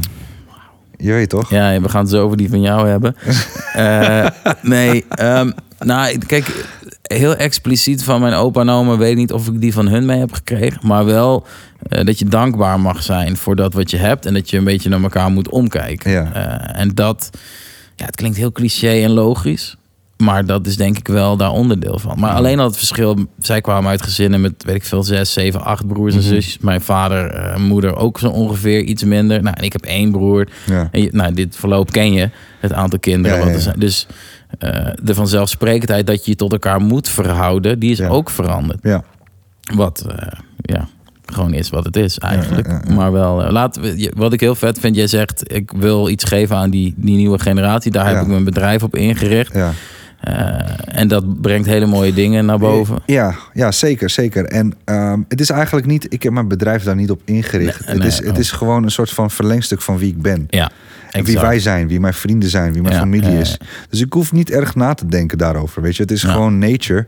Waar ik het eerder over heb, over dat eten delen bijvoorbeeld. Dat is ook wat ik doe. Als ik, ik had laatst een, een, een, een, eh, ik had een lezing gegeven op een school en ik zou terugkomen. En ik doe met, eh met Redo doen we ook een soort van combi. eh, waarbij we dus, of hij gaat eerst, of ik ga eerst en daarna nemen we elkaar Ja, mee. Ja. Dat was dit hier dus ook gaande bij een, bij een school, Briant College. Shout-out naar Briant. Eh, en wat we toen hebben gedaan is... eh, toen heb ik, tegen, heb ik dit verhaal verteld over die spanna cotti die mijn moeder maakte. Weet je wel, filet gevuld met feta en spinazie. Ja. En eh, ze wilde weten wat het was. Dus ik zei, weet je wat? Dan en dan komt Redo. die vertelt zijn verhaal. Dan zal ik spanna voor jullie maken en neem ik het mee. En dat heb ik ook gedaan op recept van mijn moeder. Eh, alleen Ah. ik ben minder gierig. dus ik heb een goede vet heen gedaan. Goede Ah, ja. En, en ik bracht het mee. En ehm, wat ik toen ook terugkreeg van een van die docenten was van... Wauw man, je, eh, you practice what you preach. En dan Ja, dacht ik, nee, maar dat is gewoon normaal. Ja, Weet je, dus ik hoef daar niet over na te denken. Als bij ons werd gezegd, als mijn moeder zei van... ik ga voor jou pita maken morgen, dan werd die pita gemaakt. Dus dat is, dat is voor mij normaal om dat ook te doen. Want dat is een van die waarden die ik heb... Die, waar ik wel heel blij mee ben, weet je wel. Nice. Dus. En die wil ik niet herzien, want ik vind dat dat gewoon heel erg bij me past. En, en ik word daar ook blij van als ik mensen eh, eten kan geven, weet je wel. Ja, Dus dat, ehm, mooie waarde. ja man, ja man. Dus ook van zulke dingen, weet je wel. Ik bedoel, ja, we moeten veel meer eten met elkaar. Ja. Op scholen ook. Ja. ja, helemaal mee eens. Samen ontbijten zijn kinderen die geen ontbijt kunnen veroorloven. Ja, dat, eh, ja, dat is echt Hoe de fuck ja. kunnen scholen zoveel tonnen besteden aan fucking innovatie? Ja. Dit is onderwijs, innova- onderwijs innovatie, man. Ga Ja. eten met kinderen. Ja. Zorg ervoor dat er tussen acht en half negen eh, ontbijt voor ze is. Dan zijn ze allereerst op tijd. Ten tweede zijn ze geconcentreerder om half negen. En eh, ten derde beschept dat ook een andere soort band. Zeker, je eet met je familie, met je vrienden. Ja. Dus je, je, zorgt zo- dat, dat er zoveel problemen worden opgelost alleen door dat al te doen. Ja. Eet met kinderen. Je bent eigenlijk eh, pro eet gezamenlijk een soort campagne Sowieso, nu aan het lanceren. Of dat doe Ja, eet Ja. gezond, eet bewust. eh, Ja. Weet je wel, vertel, vertel kinderen daarover. Daardoor, dat zal er ook voor zorgen dat ze minder bijvoorbeeld energiedrankjes op school, weet je wel, meenemen. Om, omdat ze op school water of weet ik veel, ranja ja, of thee. Ik ben wel blij, wat mijn constatering op scholen, dat het energiedrankgebruik wel wat terugloopt. Dat was een paar jaar geleden, Wow. piekte dat echt? Nee, ja, Nog bij jou? Nee, ja. Nou, op basisscholen wordt, er- is, zijn ze daar wel veel meer mee bezig. minder, toch? absoluut. Ja. Maar op middelbare scholen is dat nog steeds wel. eh, ja, het is wel gaande, maar wel maar mijn indruk, ik doe geen harde onderzoeken. Ik dacht dat het wel afnam. Maar dat kan ook mijn ijdele hoofd ik zijn die dan blinde vlekken Als ik op- kweekt. Op, middelbare scholen kom, dan zie ik... Ja, kijk of ze nou twee blikjes of één blikje bij zich, weet ik niet. Maar, de. Maar niet met die treetjes op hun rug gewoon. Dat, nee, nee, treetjes zijn... eh, nee, man. Nee, ja, het is... Het is eh, ja, ik ben het helemaal met je eens. Ja, man. het, is eh, eigenlijk... Ja, we hebben het ook over onderwijs, innovatie. eh, en daar met zieke docenten zijn we er heel erg over aan het nadenken. Dat kan technisch, weet je wel. Maar Ja. dat kan ook maatschappelijk. Ik bedoel... Ehm, gisteren toevallig sprak ik met een vriend van mij, is geschiedenisdocent. En, en, en weet je, weet je, luister soms ook naar je team, weet je wel. Luister als school ook naar mensen die, Zeker. die, die shit meemaken. En Ja. hij, wat hij zegt is van ja, wat ik moet doen nu, er is zoveel werkdruk. Ehm, docenten zijn heel veel bezig met administratie. Waarom zet je niet gewoon drie FTE op school om administratief werk te doen? Weet je wel, waarom Ja. mensen die nu hun banen misschien hebben verloren, die heel goed mails kunnen sturen of dingen kunnen opslaan of met Excel kunnen werken. Waarom zet je die niet op school neer om al die docenten te helpen met hun administratieve werkzaamheden? Waarom, waarbij Ja. docenten ook veel beter doen wat, waar, waar- waarom ze docent zijn geworden. in plaats van nu te schelden. voor- dat ja, ze-. Weet je wel? Ja, Eh, ja, het klinkt zo makkelijk dan, hè? ja, is het ook soms. Ja, daar ben ik het mee eens. Mits je de energie de goede kant op zet. Dat is het, man. Dus dat, dat is ook wel belangrijk. Weet je, wie, wie zit in, in- ja. Welke mensen zitten op welke plekken ook, weet je wel. Ja, En, en, en wat ik, wat ik het net over had, afspiegeling van de, van de maatschappij. Zo, ja, weet je, maak Rico van opgezwollen, weet je wel. Ja. Betrek hem in het MT of zo van een school. En eh, doe dat ook met een zelfstandig ondernemer uit, uit Zwolle. ja, En eh, plaats daar een eh, goede docent bij. En, en Ja, weet je wel, een, een schooldirecteur die ervaring heeft. Ik denk dat dat veel meer een afspiegeling is van de maatschappij dan, weet je wel, mensen die ja. op zoek zijn, of zo snel mogelijk met pensioen willen. Ja, die, ja sowieso, het, sowieso het concept pensioen vind ik heel interessant. Maar Ja? ik kan heel hard gaan op eh, als ik iets tot me neem en dan hoor ik dat ze in bijvoorbeeld Japan het concept pensioen eigenlijk helemaal niet hanteren. Maar je doet iets wat je leuk vindt als je het, als het goed doet. Ja. En totdat je dat echt niet meer kan. Ja. Dat geeft een hele andere kijk op wat Ja. ben ik aan het doen dan. Nou, ik moet nog 30 Ja. jaar werken. Ja? En daarna mag ik die kutpubers eindelijk uitzwaaien. Bij wijze van, ja toch? Maar goed, dat, dat, dat is even als zijtak. Maar ik denk, jij zegt de afspiegeling van de maatschappij zou mooi zijn. Ik, Ik, kan denk, hem ook omdraaien? In plaats van zeggen, ik moet nog 30 jaar werken. Dus je zegt van, ik heb nog maar 30 exact. jaar te werken. Ja, ja, Of ik, dan, ja, ja. dan, ga, dan is het ook een ik hele... mag nog... eh, Precies hoe ik mijn leven dus zie, weet je. Ik zeg, ik, ik heb nog freaking Je 17, mag nog 17 Beter ga ik gewoon alles eruit halen. Ja, toch? en genieten, ja. Ja, anderen zouden zeggen, je hebt maar 17 jaar. Dat zou ik niet doen. Maar en moeten het zijn. Nee, exact. eh, ja. Ik wou zeggen, ik wou eh, scheldwoord gebruiken. Maar ik heb net gevraagd of mijn zoon luistert. Dus dan kan ik dat niet Oh, ik meer heb het een paar keer... eh, Nee, maakt niet uit. Dit is... Ben ik. Ik ben, ik ben niet zijn vader. Nee, daarom. En maar die van mij gaat over 20 jaar luisteren en denkt van... Papa, wat, wat zei je daar allemaal? Shit, man. Ja, Nou, ja, ja. Anyways. Ja, maar dat, maar dat hoort er ook bij, toch? Zeker, zeker, zeker. Ehm, je had het over Toepak. Ja, man. Eh, ik zag laatst docu van- Biggie op Netflix. Ik wil geen spoilers geven. Maar de manier waarop hij flowde eh, was nogal jazz-related, bleek. En dat wist ik niet. En toen ik het, dat, dat verband zag, dacht ik... Wauw. Ja. Ik weet niet of ik het nu nog vetter vind of juist makkelijker. Of maar Ja. makkelijker. Dit is helemaal geen disrespect. Maar meer zo van, hé, hey, als je het begrijpt. Maar jij hebt het over Toepak. Waar was Biggie dan in jouw tijd? Of kon dat Ehm, niet? In Heeremap. was- In dat liedje.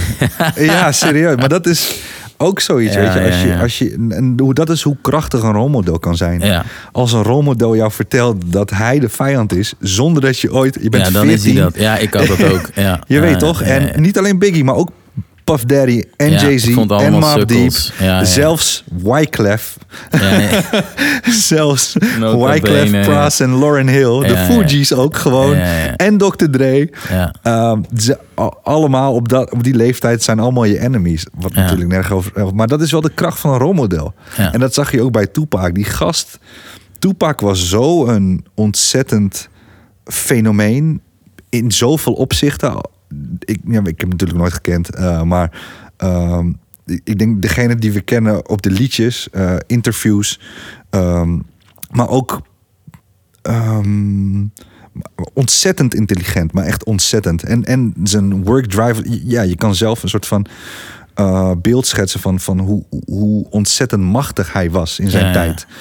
En zeker nog tientallen jaren na zijn dood, dat hij dus gewoon tieners eh, eh, Ja. kan inspireren om Ja, ja, ja. bepaalde dingen te denken, gebaseerd op gewoon een eigen. Maar dat is dus ook wat eh, vandaag de dag. Weet je wel, mensen hebben gewoon macht en zijn soms heel erg bewust van hun macht en hun kracht. En proberen daar Iets moois iets mee moois te van te- maar er zijn lelijks. Ja, ja, ja. En ja, je bent. Ik ga niet zo op haat, man. Nee, ja. Ik, ik vind het niet zo fijn. Ik vind, eh, ik vind liefde. Ja, man, maar dat. Ja, Ja, volgens mij iedereen toch. nou, weet ik niet. Weet ik niet. Ja, haat is een neerwaartse energie die brandt op. Ja. En liefde niet. Nee, maar dat, je zegt iedereen toch. Dat is, ja, ja, misschien houdt iemand heel erg van haten. Ja, ik, ik, ik ben. Is eh, Misschien is het een stukje naïviteit, maar ik eh, geloof heilig dat daar altijd een, een oorzaak voor ligt. En dat zolang je die niet erkent, kan die ook blijven bestaan. Maar als je hem erkent en je gaat er iets anders mee doen, Ja. maak je mij niet wijs dat er oprecht mensen geboren worden die beter gaan op haat. Dat geloof ik gewoon niet. Een mooie gedachte, man. Ja. Ja, ik en misschien ik- is er één of ik- twee die zijn. ja, ja, ik, probeer, ik probeer dat ook me, meest... eh, Ja, ja, ik probeer de meeste gevallen er ook zo in te staan. ja. Ehm, maar ja, dat, ja. dat- is ook wat. De, Tupac heeft natuurlijk altijd over Tupac over twee kanten. Ja. Die, Ja, die, die ontzettende, ja, weet je wel, agressieve guy die mensen op zijn songs afmaakte. Ja. Maar ook die hele lieve guy. Die had het altijd over, die het had over eh, vrouwen. Ja, eh, keep your head up, weet je wel, dear mama. Ja, ja. Die lieve gast die voor zijn familie en zijn vrienden alles wilde doen. Die een betere wereld wilde creëren. En dat is denk ik de Tupac waar de meeste van ons veel mee hebben. Ja, dat denk ik ook. Ja, en, en inderdaad eh, een aantal kwaliteiten die gewoon heel inspirerend werken. En dan nog los van of je het inhoudelijk constant met iemand Ja, ja. eens bent, denk ik. Ja. Maar kunst is sowieso, hè, of je, je Tupac, Biggie, het, het, het zijn, het maakt niet uit. Ik denk niet dat er een beter is. Ik denk dat er Nee. een, eh, de originaliteit spreekt daarin. Ja, Tupac was er niet, ja. Biggie was dat. Ja, En zo heb je vandaag ook kunstenaars die ontzettend uniek zijn zeker. in wat ze doen. Dus in Nederland, weet je, ik vind wat Typhoon bijvoorbeeld doet fenomenaal. Ehm, ja, weet je, dat is echt Ja. een, een, een, een, eh, ja, Ja. een unieke guy, denk ik, met zijn met zijn Ja. muziek. En zo heb je heel, heel veel van, van ja, MC's, zangers, drummers. Zo. Noem het maar op. Ja, Jori, mijn homie, die s- ja, sick drumt, maar ook gewoon nu aan het produceren is en heel veel remixes aan het maken is van a cappella's van rappers en shit. Ja, Oh, vet. super nice. Ja, Dus ja, originaliteit is daarin gewoon heel, heel erg belangrijk. Dicht bij jezelf blijven. dat, dat sowieso, denk ik. Which Ja. is kind of cliché, maar het- dat is wel wat het beste werkt, ja. Ja, clichés zijn eh, daar Ja, ja, ja. omdat ze zo sterk Facts. zijn, toch? Facts, ja, ja, ja. Anders dan zou het geen cliché zijn. Maar dat is ook alweer cliché. En dat ook. Dus dat is infinite loophole. Eh, ja, wat, ik wel... Ik weet niet of dat heel eh, relevant is. Maar we zijn nu toch lekker aan het kletsen. Jij zegt net uh, Tupac, zeg maar. Wat hij liet zien eh, is heel aanstekelijk. De jongen die je op de muziek, maar ook in de pers zag. Had Ja. een bepaalde energie. Eh, nou weet ik zelf... Ik ben niet zo groot als Tupac. Tenminste, ik bedoel qua allure. Ik weet niet qua fysiek. Maar nou, ehm, ik heb wel eens een interview gedaan. En ik, ik weet ook, je noemt net Typhoon. Ik heb hem wel eens, toen ik eh, net begon, zei hij... Als je ooit interviews doet, je moet exact vertellen wat je wil vertellen. Geen woord meer of minder. Daarna je mond houden, want ze gaan ermee aan de haal. Ik, sorry Glenn als ik het verkeerd uitleg, maar even mijn interpretatie. Dus ik ben me bewust van alles wat ik zie Hmm. op televisie of radio is, is een, ja, het is een soort van gefilterde versie van wat er allemaal gebeurt. Of ze knippen er wat uit. Eh, ik besef me dat. Ik denk dat het heel goed is als je op school ook leert eh, als jongere. Oké, alles wat ik om me heen zie en wat wordt opgenomen.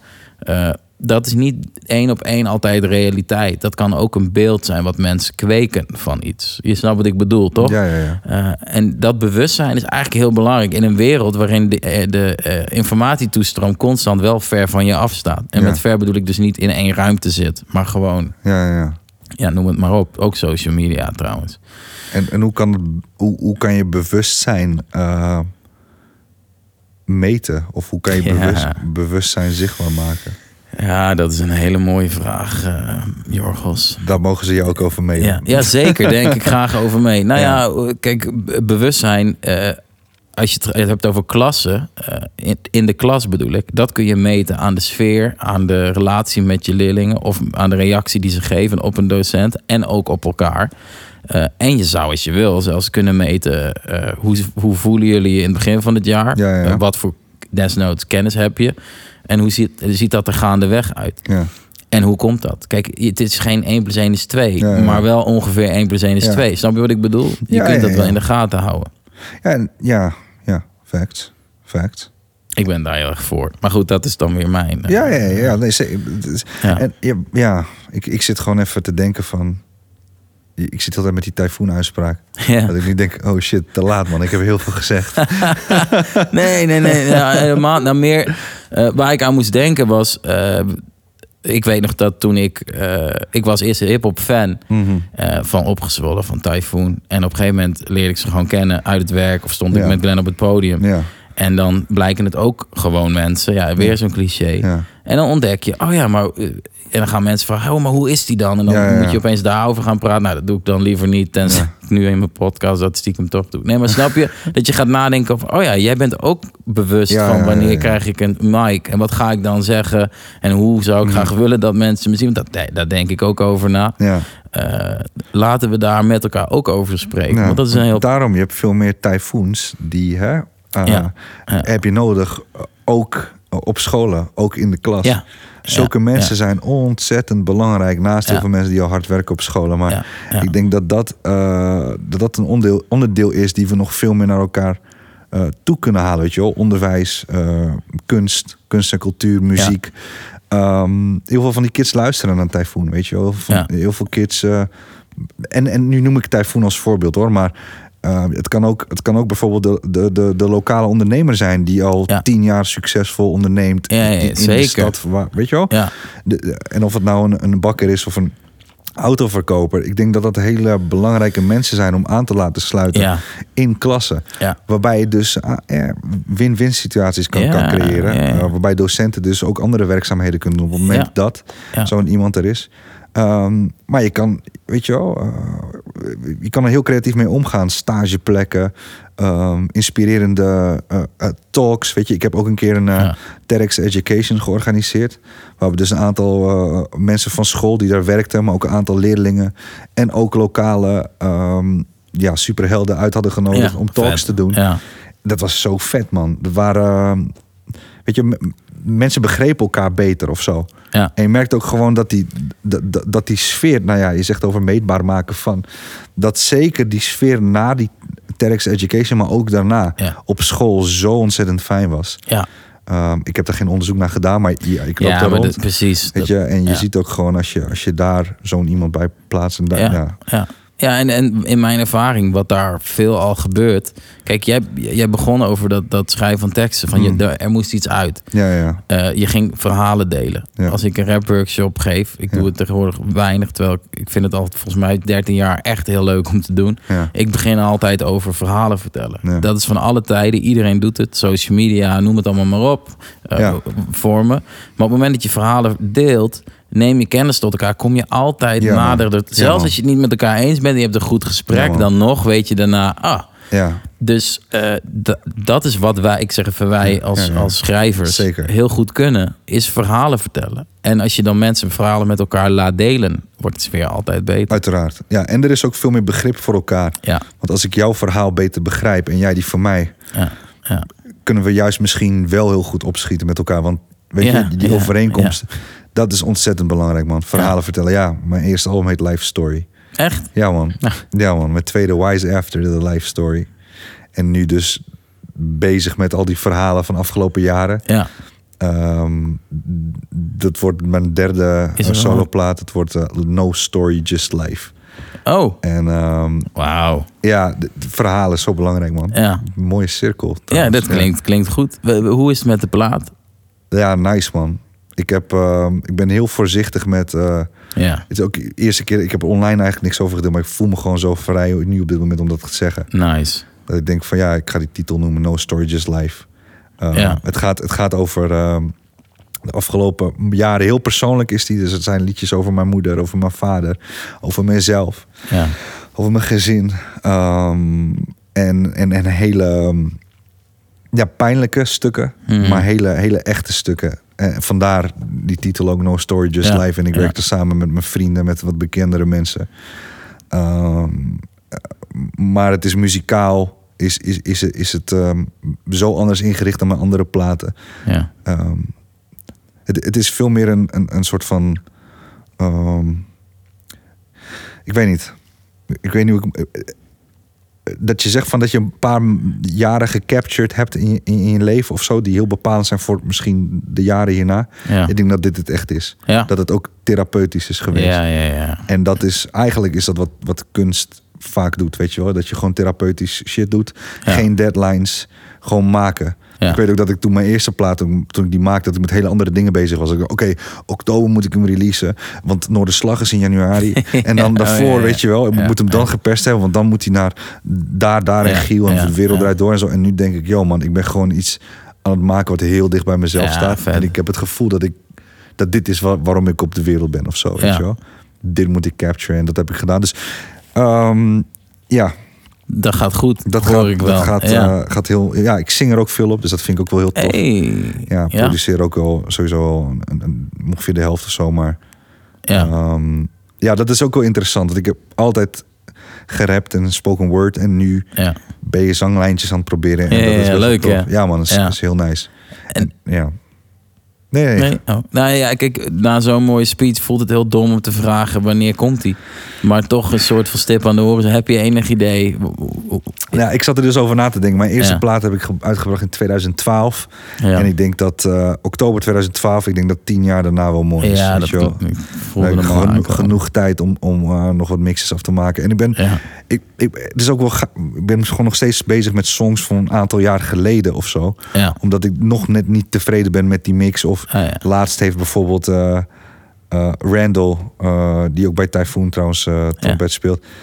Weet je, die- daar kwam ik mee in contact en ik ken natuurlijk van Kite. Hmm. En toen zei ik van, yo bro, ik heb gewoon, ik heb gewoon trompet nodig, man. Dit Ja, is die song. Ja, ja, ja. En je merkt gewoon, dan krijg je een sportrug en denk je, ja man, ik heb dit gewoon gemaakt toen die kleine van mij in, in, in de buik van mijn vrouw zat. En, Ja. en nu pas voelt hij na, de, Ja, na, dat, ja. na dat spoor die Randall aanlevert, nu voelt hij compleet, nu voelt hij af of zo. ja, ja. Terwijl Mooi. het nooit af is met muziek, weet je wel. Nee, Na tien jaar ja. ga je er naar luisteren en denk je ook... Dan vond ik het ook interessant wat Kanye bijvoorbeeld op een gegeven moment had met een plaat van hem. eh, Life of Pablo. Ja. Hij zei van ja, ik wil dat dit, dit album de komende tien jaar zichzelf blijft ontwikkelen. Dus dat ik Ja. gewoon constant ga aanpassen, dingen toe ga voegen, weg ga halen. Ja. Ehm, en dat is ook dat- ja, dat is het moeilijk met muziek, weet je Ja, wel. ja, ja. Wel, wel vet Ja. dat hij eh, daarin zo vernieuwend durft te zijn. Zeker, ja. Ja, ja, ja. of je brengt het gewoon niet uit. Het is Dat vijf, zes ook. jaar la- lang Ja. en dan blijf je het ontwikkelen. Dus ja. Ja. En tegelijkertijd is het ook niet een... Weet je wel, ik heb niet de urgentie meer om, eh, weet je wel, shows en zo te gaan doen. Eh, wat ik wel heel tof vind is, voor de pandemie... eh, nou ja, sinds dat gebeurde met mijn ouders had ik eigenlijk niet meer op het podium gestaan. In 2019 deed ik dat wel weer. En dat deed ik met een tienkoppig koor. En samen met drie snaarinstrumenten, waaronder ook een Griekse bouzouki. En eigenlijk wat ik daar creëer is de sound, denk ik, die ik echt wil laten horen. Een soort van Griekse Efteling sound. En eh, ja man, dus echt een koor en Ja, ja. bouzouki en, Ja. en verhalen. Weet je, dus dat je ook weer Ja. terug naar je roots gaat. Ja. En waar, waar- ja, Grieken staan ook bekend om, om, om een eh, mooie verhalen, mythes. Ook Ja, soms. ja dat, dat, eh, die ken ik zelfs. Ja, ja, ja. En, en, en, en dat op een hedendaagse manier gecombineerd met, met hip-hop, dat wil ik.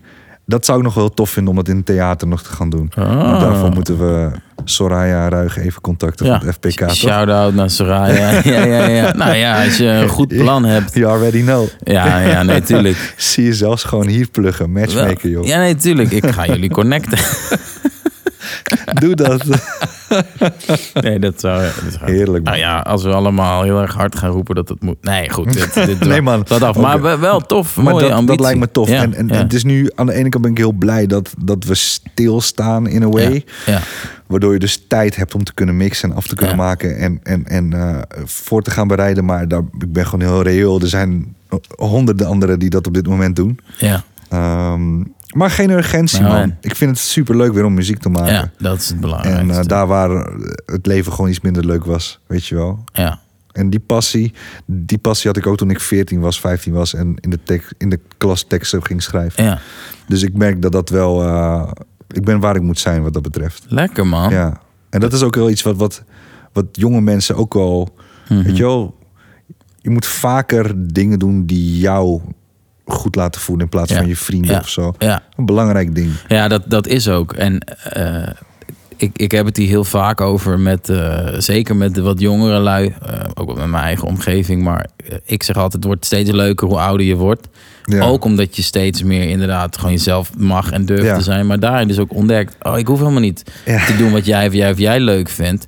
Om jouw erkenning te krijgen. Ik mag gewoon echt doen wat ik zelf. Maar dat is natuurlijk heel lastig als je 17, 18, Ja. 19 bent. En echt denkt, ja, maar als ik er niet bij hoor. Ja, man. Dat is eigenlijk mijn, mijn prioriteit. Dus ik Ja. doe wel gewoon leuk mee. Ja. Ja, dat is best wel eh, tricky. En heel tof om Zeker. daar juist met ze over te sparren. Zeker, en, man. eh, En- ze en- uit te nodigen. Je hebt het net over prioriteiten. En jongen, Ja. ik, dat is ook wel iets. Eh, Schrijf je prioriteiten ook op. Ik weet nog dat ik toen ik Ja, ja, 14, ja. 15 was, toen schreef ik op dat ik een plaat wilde maken. Met allemaal gekke featurings, weet je wel. Van. Dr. Dre tot dan eh, Snoop. Maar de Outlaws zaten daar ook op. En KRS One sto- stond ook op die lijst en zo. En eh, later merk je gewoon dat je... eh, nou ja, met de Outlaws heb ik kunnen samenwerken met KRS One. Ik, naast hem op het podium gestaan, weet je wel. Nadat we geopend hadden voor hem met Master Surreal.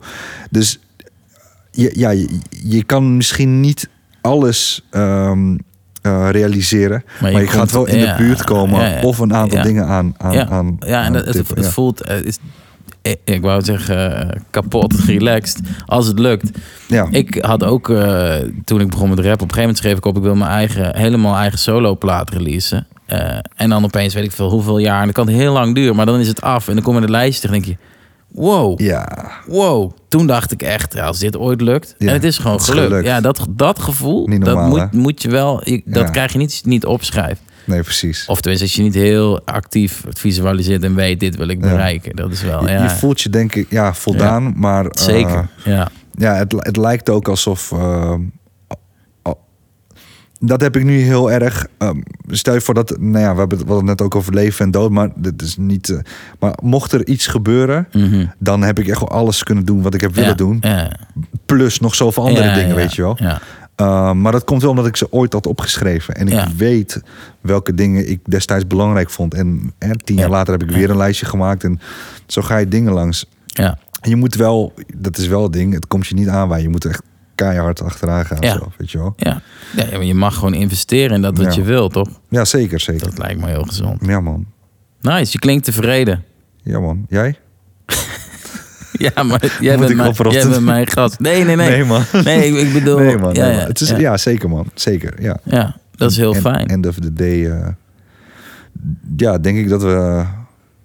Dat, ja, weet je, we hebben vrienden. Ja, We zijn bevriend. Eh, ik mag hier met jou zitten. ja, Een uur lang kletsen over, eh, over mooie dingen, Ja. over minder mooie dingen, over, het- over life. Ehm, weet je wel, onze, onze, weet je wel, on- on- ja, ik hoor die ambulance op de achtergrond. ja. Dus, Het maar- gaat niet overal goed. Nee. ja, ja, het gaat niet overal goed, maar ik denk Nee. dat, dat, dat in heel veel opzichten het wel oké met ons allemaal gaat. Ja, Het is alleen, jij bent wel de kapitein van je eigen schip, juist. weet je wel. Ja.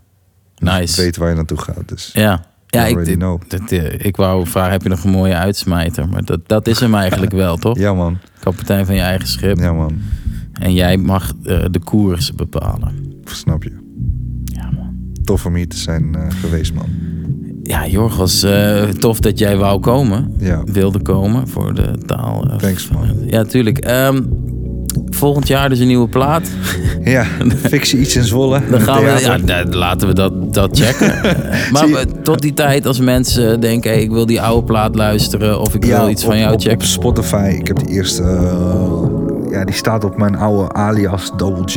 Double Life G. Story. Die heb ik toen eh, met, met eh, Rough Trade gedistribueerd. Oké. Pias nu. Ehm, en anders Jorgos Lazakis. Niemand weet hoe je dat schrijft. hè? Nee, is ook niet Maar dat belangrijk, joh. Ah, dat staat natuurlijk in de omschrijving. Check de omschrijving. Ja. Nee, nee, maar, maar ja. dat... eh, en, en op, eh, op Instagram, at School of Hard Knocks. Ja. Daar drop ik wel eens links in mijn bio.